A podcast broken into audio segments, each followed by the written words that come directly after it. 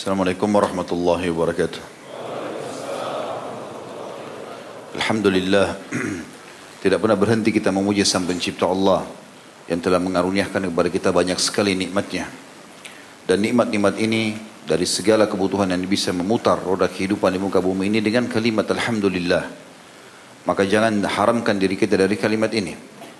Selanjutnya kita panjatkan salam hormat kita, salawat dan taslim kepada Nabi besar Muhammad sallallahu alaihi wasallam manusia yang telah mengemban amanah wahyu dan telah menyampaikan seluruh amanah itu sebelum beliau meninggal dunia alaihi salatu wassalam dan juga Allah subhanahu wa ta'ala menjadikan salam hormat ini sebagai ibadah. Maka sangat wajar sebagai muslim kalau kita selalu mengejarnya.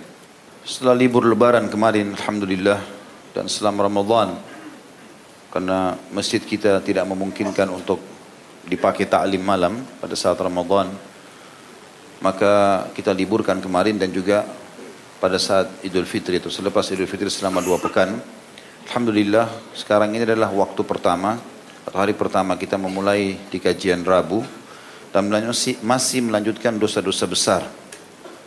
Dan sebagaimana sudah sering kita sebutkan kita sedang melanjutkan buku Al-Kabair Imam Ad-Dabi ke bukunya Syekh Muhammad Salih Al-Munajjid dan kita sekarang masuk ke dosa besar 126. Setelah sebelumnya kita sudah membahas dosa besar ke 125 masalah berwasiat yang membahayakan. Itu bahasan yang terakhir. Dan sekarang kita masuk dosa besar 126 yaitu permainan dadu. Banyak sekali dalam Islam hal-hal mubah yang dibolehkan. Selama itu mubah, dan tidak melanggar agama dibolehkan. Seseorang bercanda pada hal-hal yang bukan berbau kemaksiatan dengan temannya. Seseorang mengurus dan merawat perabot-perabot kebutuhannya. Seseorang beristirahat sejenak, makan makanan yang lezat. Banyak sekali silaturahim keluarga, bahkan itu masuk dalam sunnah kalau silaturahim yang bisa kita lakukan. Tetapi memang sudah menjadi sunnatullah Selalu saja ada yang dibolehkan, ada yang tidak dibolehkan. Dan yang tidak dibolehkan ini masuk dalam hal-hal yang umumnya mengisi kesenggangan waktu atau bermain, bercanda ini, hal-hal yang tidak dibolehkan. Di antaranya salah satunya adalah membuang-buang waktu pada hal yang tidak bermanfaat dan juga bermain dadu secara khusus. Bermain dadu ini teman-teman sekalian di dalam syariat kita dilarang. Baik itu untuk judi atau bukan judi. Jadi bukan hanya digunakan untuk judi. Tidak untuk judi pun tidak boleh. Saya akan bacakan dulu apa yang diterangkan oleh Syekh Muhammad di sini. Lalu saya akan rincikan insya Allah dalil-dalil dan pendapat ulama berhubungan dengan masalah itu.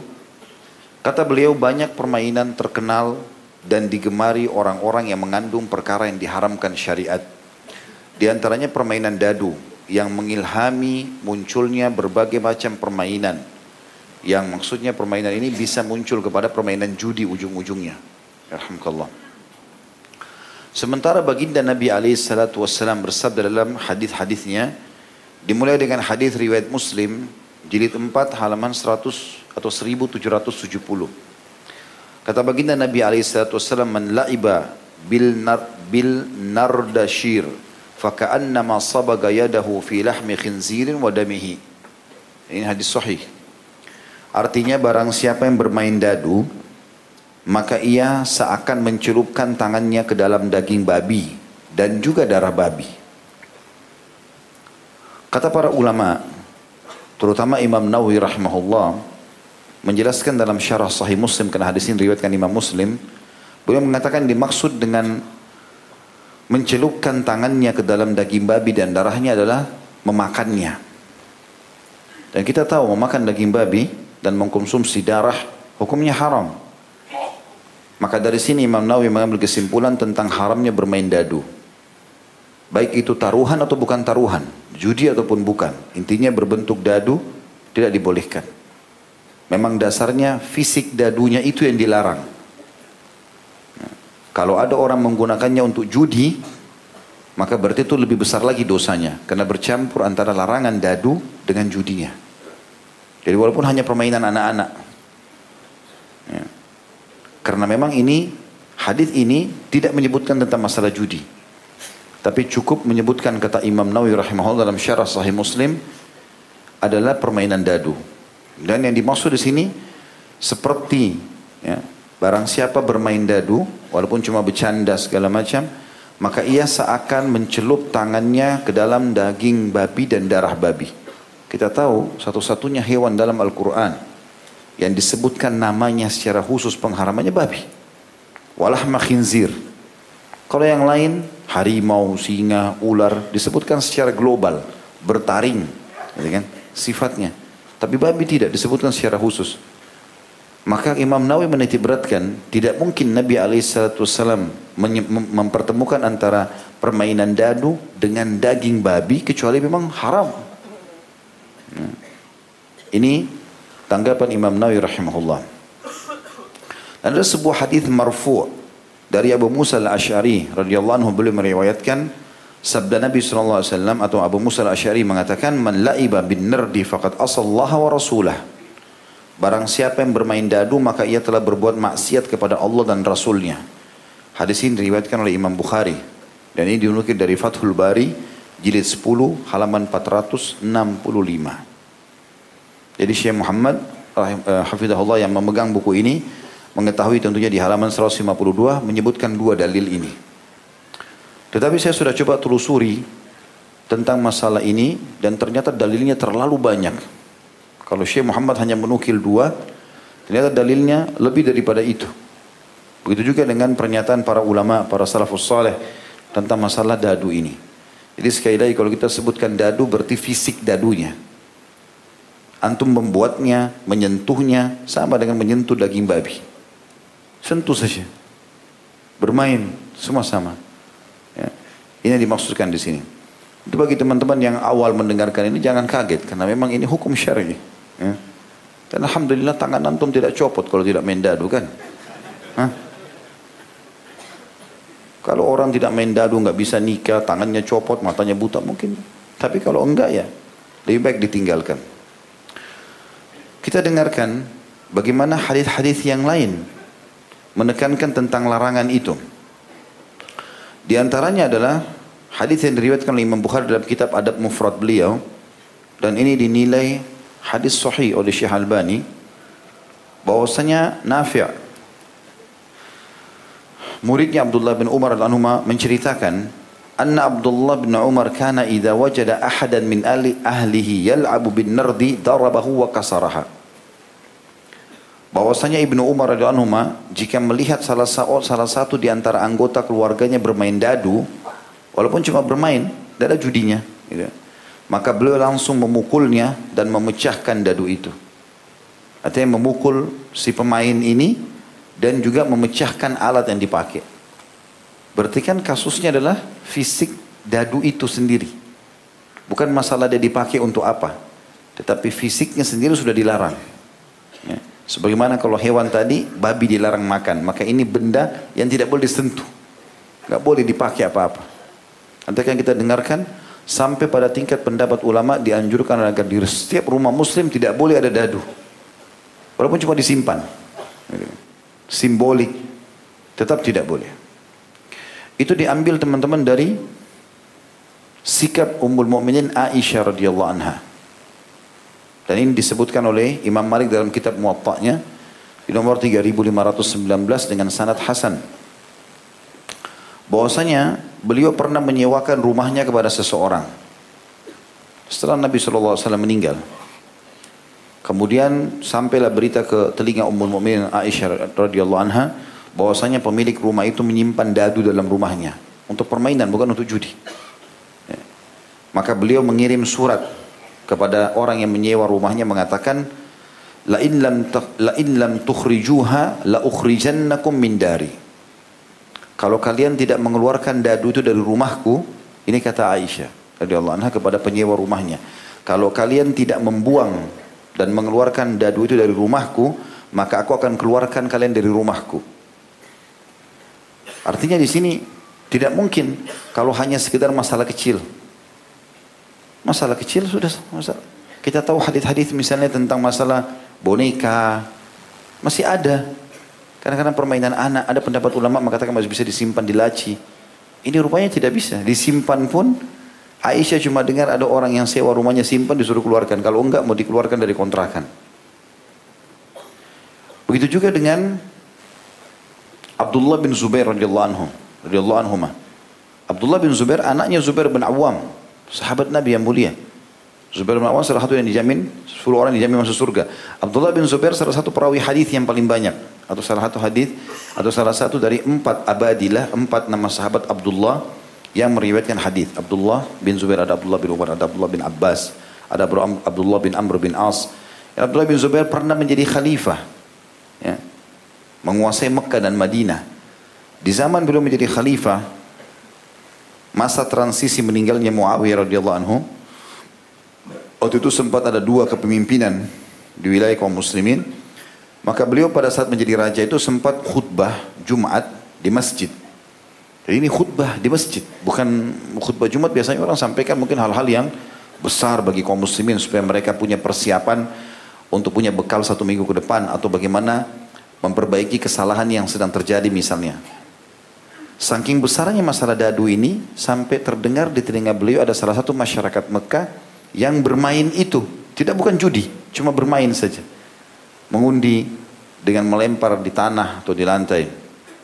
Maka beliau berkata dalam khutbahnya, "Balagani ar-rijal min Quraisy yal'abuna bilu'batin yuqalu laha nardashir wa inni ahlifu billahi la uti birajulin la'iba biha illa aqabtuhu fi sya'rihi wa basharihi." Wa a'taitu salbuhu liman atani bihi. Artinya, telah sampai kepadaku di khutbah Jumat, ya, berita bahwa ada beberapa orang Quraisy di Mekah ini bermain dadu. Aku bersumpah demi Allah, jika ada orang yang ditangkap atau tertangkap dan diserahkan kepadaku bermain dadu itu, niscaya aku akan hukum dia dari rambutnya sampai ujung kulit kakinya. Cambukan aku akan mencambuknya. Dan orang yang melaporkan tentang orang yang bermain dadu itu akan aku beri hadiah berupa harta yang dibawa oleh orang yang dihukum itu. Ini dinukil oleh Al-Bayhaqi dalam Sunan Al-Kubra di jilid 10 halaman 216 dan juga disebutkan dengan sanad hasan dalam dalam eh, dalam kitab Sahih Adab Mufrad. Yang itu oleh Imam Bukhari rahimahullah. Maka ini juga termasuk peringatan tegas Selain statement uh, Aisyah radhiyallahu anha dan juga ini statement Abdullah bin Zubair. Juga Sa'id bin Jubair rahimahullah salah satu ulama tabi'in yang masyhur sekali dengan kesolehannya. Beliau bila melewati ada komunitas orang yang sedang bermain dadu, maka beliau tidak ingin mengucapkan salam kepada mereka. Ini disebutkan oleh Ibnu Abi Syaibah dalam kitab Al-Musannafnya di jilid 8 halaman 554. Jadi ini semua perlakuan sikap salafus saleh.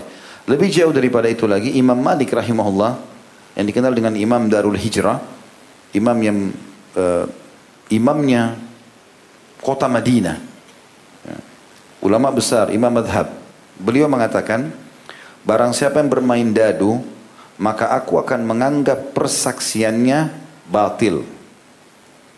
Tidak usah jadi saksi. Baik saksi pernikahan, Saksi apa saja. Ditolak. Gara-gara main dadu saja. Kan kita biasa berarti mengambil. Saya waktu coba menyusuri dari dari ini teman-teman sekalian. Saya melihat ini luar biasa larangannya. Saya pun mengambil pelajaran yang luar biasa. Saya tidak pernah menyangka kalau sampai seperti ini pendapat para ulama dalam masalah dadu dan ini bukan belum berbicara masalah judi ya. Nanti akan kita bahas tentang masalah judi. Ini baru berbicara masalah permainannya saja. Nanti akan kita dengarkan bagaimana tentang masalah dadu itu. Dan Imam Malik mengatakan barang siapa yang bermain dadu maka aku menganggap persaksiannya batil. Gak boleh memberikan kesaksian apa pun. Karena Allah Ta'ala telah berfirman dalam surah Yunus surah nomor 10 ayat 32 A'udhu billahi minasyaitan rajim famada ba'dal haqqi illa dhalal. Tidak ada sesudah kebenaran kecuali kebatilan. Jadi dadu itu kata Imam Malik dia benar atau dia batil. Tidak ada pilihan lain. Secara zahir dalil batil. Nanti insya Allah akan kita coba jelaskan statement sebagian ulama tentang masalah hikmah kenapa dilarangnya itu. Kemudian lebih jauh daripada itu teman-teman sekalian, Disebutkan juga oleh Imam Bukhari dalam kitab Adab Mufradnya beliau bahwasanya Abdullah bin Amr bin As radhiyallahu anhu pernah berkata, Allah ibu bil fissin kimar ka'akili lahmil khinzir wallaibu bihima ghairu kimar ghamisi yaduhu fi dami. Ini perkataan sahabat Nabi. Jadi bukan perkataan ulama-ulama yang terambat yang sekarang zaman sekarang ini dari dulu dari zaman Nabi SAW dari zaman sahabat. Abdullah bin Amr bin As radhiyallahu anhu dari empat perawi hadis sahabat yang bernama Abdullah yang paling banyak hadisnya. Beliau mengatakan bermain dengan dua mata dadu dalam rangka berjudi seperti orang yang makan daging babi dan orang yang bermain dengan kedua mata dadu tapi tanpa taruhan bukan dengan judi.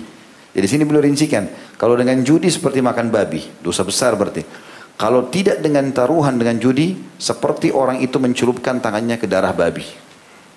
Tetap dosa juga. Jadi subhanallah sampai pada tingkat menyentuhnya aja sudah dosa. Dan ini sebagian ulama juga mengatakan, ini sejalan maknanya dengan firman Allah subhanahu wa ta'ala, A'udhu billahi minasyaitanirrajim wa la taqrabuz zina. Jangan dekatin zina. Allah nggak bilang jangan kalian uh, jangan berzina langsung. Allah bilang jangan dekati zina. Apa maknanya? Semua tahapan yang menuju kepada perzinahan haram. Tapi puncaknya nanti adalah perzinahan itu. Dengan dengan penglihatan, dengan sentuhan, dengan omongan, dengan dengaran, dengan segala macam langkah kaki. Kata Nabi SAW, nanti kemaluan yang akan menyempurnakannya. Tapi tetap zina. Dan beliau mengatakan apa? Seluruh tubuh punya bagian dari perzinahan. Mata dengan melihat, telinga dengan mendengar, lisan dengan mengucapkan, tangan dengan menjamah, bibir dengan mencium, kaki dengan melangkah, semuanya nanti kemaluan akan menyempurnakan. Jadi maknanya mirip dengan itu. Seakan-akan di sini kalau disentuh saja atau dibiarkan itu tersebar luas, maka akan terbukalah pintu-pintu perjudian. Karena di sini Abdullah bin Amr bin As memberikan gambaran kepada kita, kalau dia jadikan sebagai judi, maka sama hukumnya makan babi. Kalau dia tidak jadikan taruhan hanya bermain berarti sama celupkan di darah babi. Sama juga najis. Nggak boleh. Gitu. Tetap hukumnya begitu. Dan Imam Nawawi bahkan mengatakan makna hadis tadi mencelupkan tangan di daging dan darah babi sama dengan memakannya. Kan darah haram. Seperti itulah.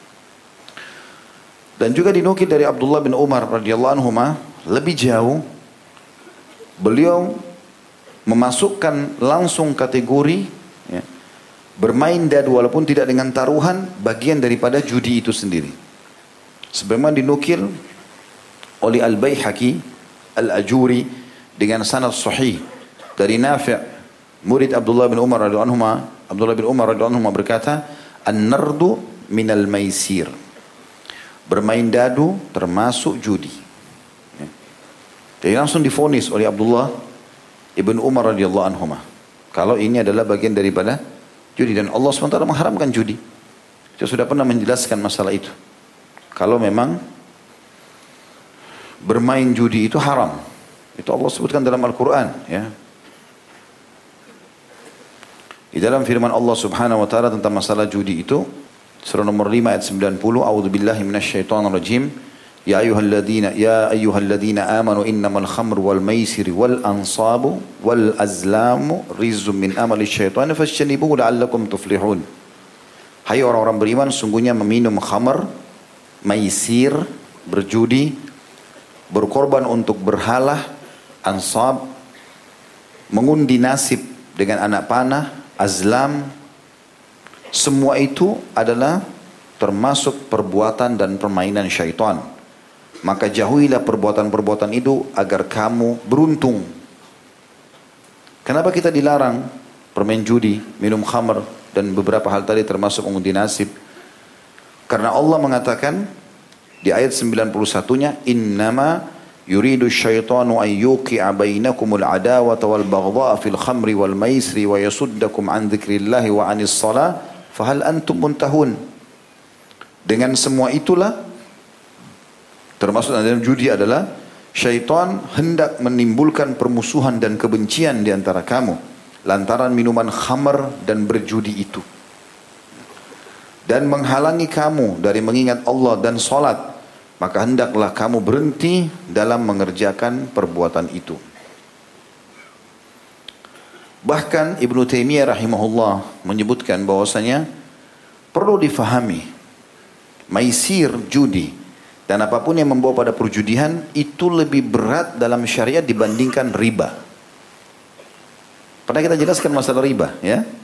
Riba berat. Bahkan kata Nabi SAW satu dirham riba lebih berat daripada 36 kali berzina. Tapi perhatikan perkataan Ibnu Taimiyah rahimahullah bahwasanya kerusakan maisir dan di antara maisir adalah bermain dadu. Lebih berbahaya daripada riba karena maisir memiliki dua kerusakan. Yang pertama, memakan harta haram. Judi.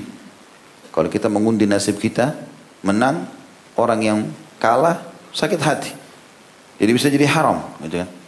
Yang kedua terjerumus dalam permainan yang terlarang. Maisir benar-benar telah memalingkan seseorang dari zikrullah, dari sholat. Juga mudah timbul permusuhan dan saling benci. Oleh karena itu maisir diharamkan sebelum riba. Ini dinukil dari kitab Al-Mawsu'atul Fiqhiyah di 39 ayat atau di halaman 406. Maisir juga yang disebutkan di dalam ayat tadi Al-Maidah 90 dan Ibnu Umar radhiyallahu anhu mengatakan an-nardu minal maisir tadi gidadu adalah termasuk bagian daripada judi masuk dalam makna ini. Maisir yang disebutkan dalam ayat sebenarnya lebih umum daripada judi. Kata Imam Malik rahimahullah, maisir ada dua macam. Yang Allah sebutkan dalam Al-Quran tadi masalah judi ada dua macam. Yang pertama bentuk permainan seperti dadu. Disebutkan oleh beliau, gitu kan? Dan semua yang semacam dengan itu dan hampir semua yang melalaikan. Tidak ada manfaatnya untuk mendapatkan. Cuma mengundi-undi nasib saja. Yang kedua, bentuk perjudian, yaitu mengandung unsur spekulasi atau untung-untungan di dalamnya. Bahkan Al-Qasim bin Muhammad bin Abi Bakar, ini cucunya Abu Bakar radhiyallahu anhu majma'in, memberikan jawaban lebih umum ketika ditanya mengenai apa itu maisir.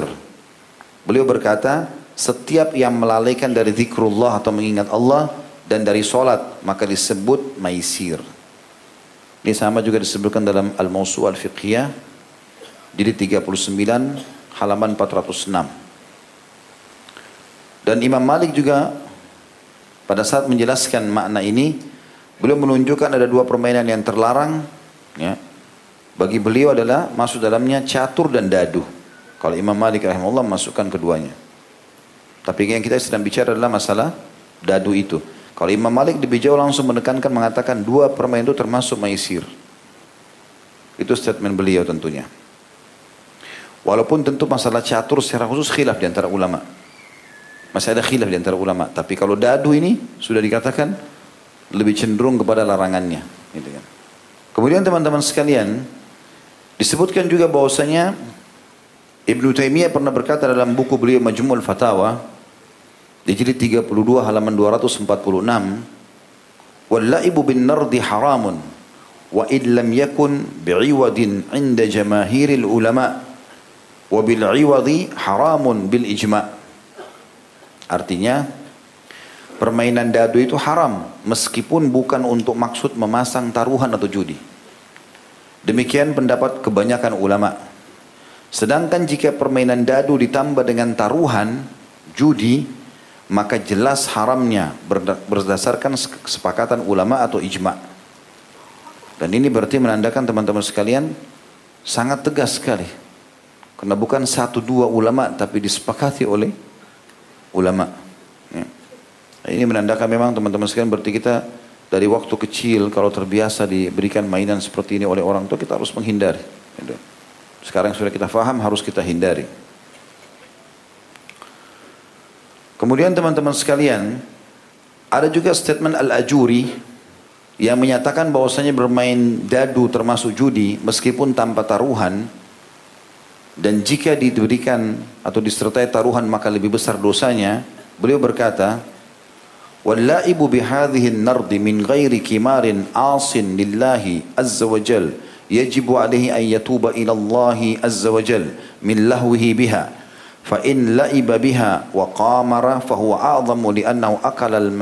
أكل الميسير وهو الكمار atau lianna akul aklul maisir wa huwa kimar orang yang bermain dadu tanpa taruhan judi telah bermaksiat kepada Allah ini perkataan ulama dinukil dan ini diambil dari buku Tahrimun Nardi Wasatranj artinya judul bukunya yang begitu pengharaman permainan dadu dan catur kata beliau di sini judulnya halaman 53. Walaupun masalah catur masih ada khilaf tadi saya bilang.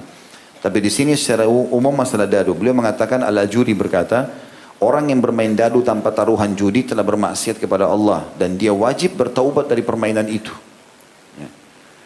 Jika dia bermain dadu disertai taruhan, maka dosanya jauh lebih besar karena dia makan hasil judi. Jadi artinya bermain secara fisiknya dosa sendiri, kalau diikuti dengan judi, maka judinya juga dosa sendiri.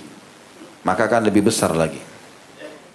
Ibnu Taimiyah juga pernah menyebutkan dalam majmu' fatwanya beliau di jilid 32 halaman 244 wan nardu haramun 'indal ulama'il arba'ah indal ulama in indal a'immatil arba'ah sawa'un kana bi'iwadin aw ghairi 'iwad Bermain dadu hukumnya haram menurut imam empat madhab.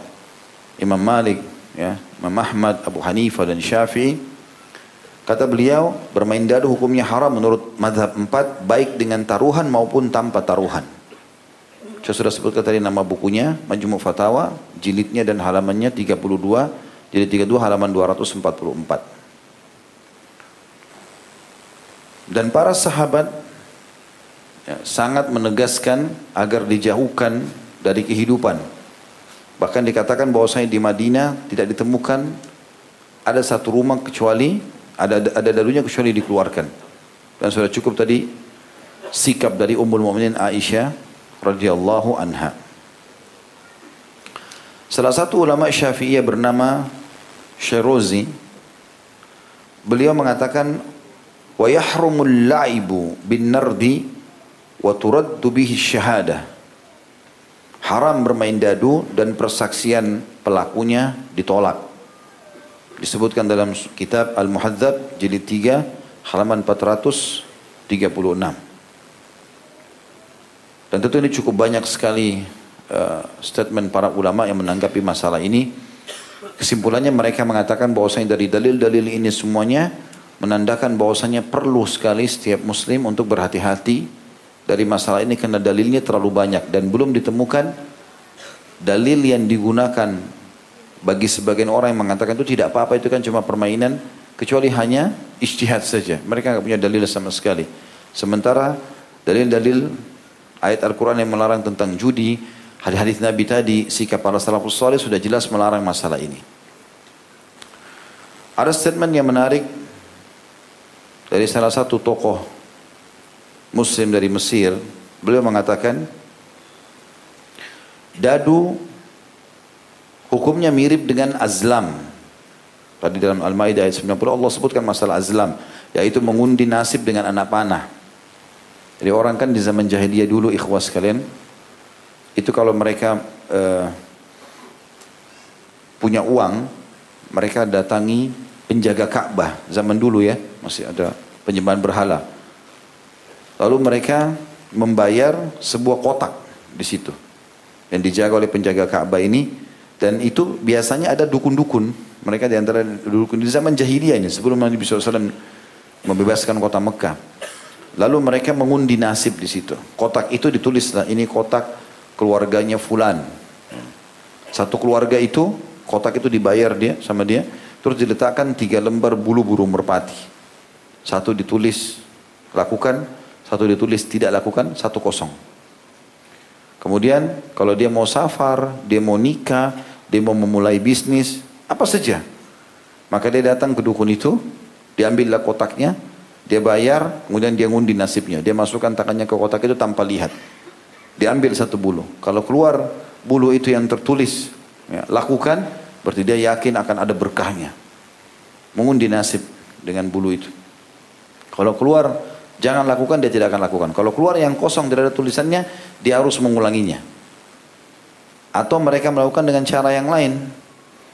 Ya, mereka melempar burung itu kemudian dibiarkan pergi ke arah yang lawan uh, ke, ke arah yang dia mau safar. Kalau ke kanan misalnya, ke barat misalnya, maka dia kalau pas burung itu ke barat berarti dia akan selamat. Kalau burung itu ke lawan arah yang dia mau pergi ke kiri, ke timur misalnya, maka mungkin dia akan celaka dan segala macam hal. Yang dimaksud dengan menguji nasib juga dengan anak panah ini adalah anak-anak panah itu ditulisin tadi saya bilang atau buluh yang ada di situ ditulisin. Kata beliau di sini, dadu sebagaimana azlam atau mungkin nasib dengan anak panah, mengajak manusia untuk meninggalkan usaha dan bersandar pada tulisan dan lama, ramalan. Ini membahayakan dan memotivasi orang untuk malas dan pasrah terhadap apa yang diterima. Artinya, semakna dengan judi. Permainan yang dibangun di atas prinsip dapat harta dengan tulisan dan peluang menang tanpa bekerja dan berusaha, sungguh betapa tentu ini adalah masuk dalam bagian judi. Sungguh betapa berbahayanya permainan ini bagi masyarakat. Sangat berbeda dengan Islam yang mengajarkan untuk sungguh-sungguh dalam berusaha dan bekerja. Dan ini juga dinukil banyak sekali statement ulama-ulama yang lain yang mengingatkan hal yang sama. Kesimpulannya dari apa yang kita sampaikan ini bahwasanya ulama mengatakan hikmah daripada dilarangnya bermendadu ini adalah seperti hikmah dilarangkannya dilarangnya mendekati zina ujungnya akan masuk pada judi. Ya. Apalagi memang ada statement Abdullah bin Umar yang memastikan langsung permainan dadu adalah bagian dari judi. Sudah selesai. Ya. Berarti tugas kita adalah meninggalkannya. Dan ini berarti menandakan dilarangnya agar seorang muslim atau sosok muslim tidak membuang waktunya. Karena bagi kita semuanya harus bermanfaat. Beda kalau permainan itu ada manfaatnya sebagaimana saya bilang tadi. Masih ada khilaf dalam masalah catur itu. Mungkin orang masih sedikit berpikir. Tapi kalau dadu, mengundi nasib. Angka berapa yang keluar nih? Enggak jelas gitu. Lalu dia jalan sesuai dengan terkaan atau ramalan itu. Kalau catur masih ada yang membolehkan, itu pun umumnya ulama melarangnya. Karena membuang-buang waktu. Karena dia masih berpikir. Masih ada sesuatu strategi yang dia atur misalnya. Mungkin.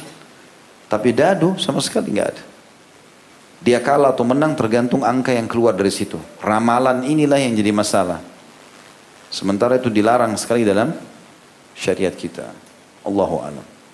Ini bahasanya insyaallah. Subhanakallahumma bihamdika, asyhadu an la ilaha illa anta astaghfiruka wa atubu ilaik. Assalamualaikum warahmatullahi wabarakatuh.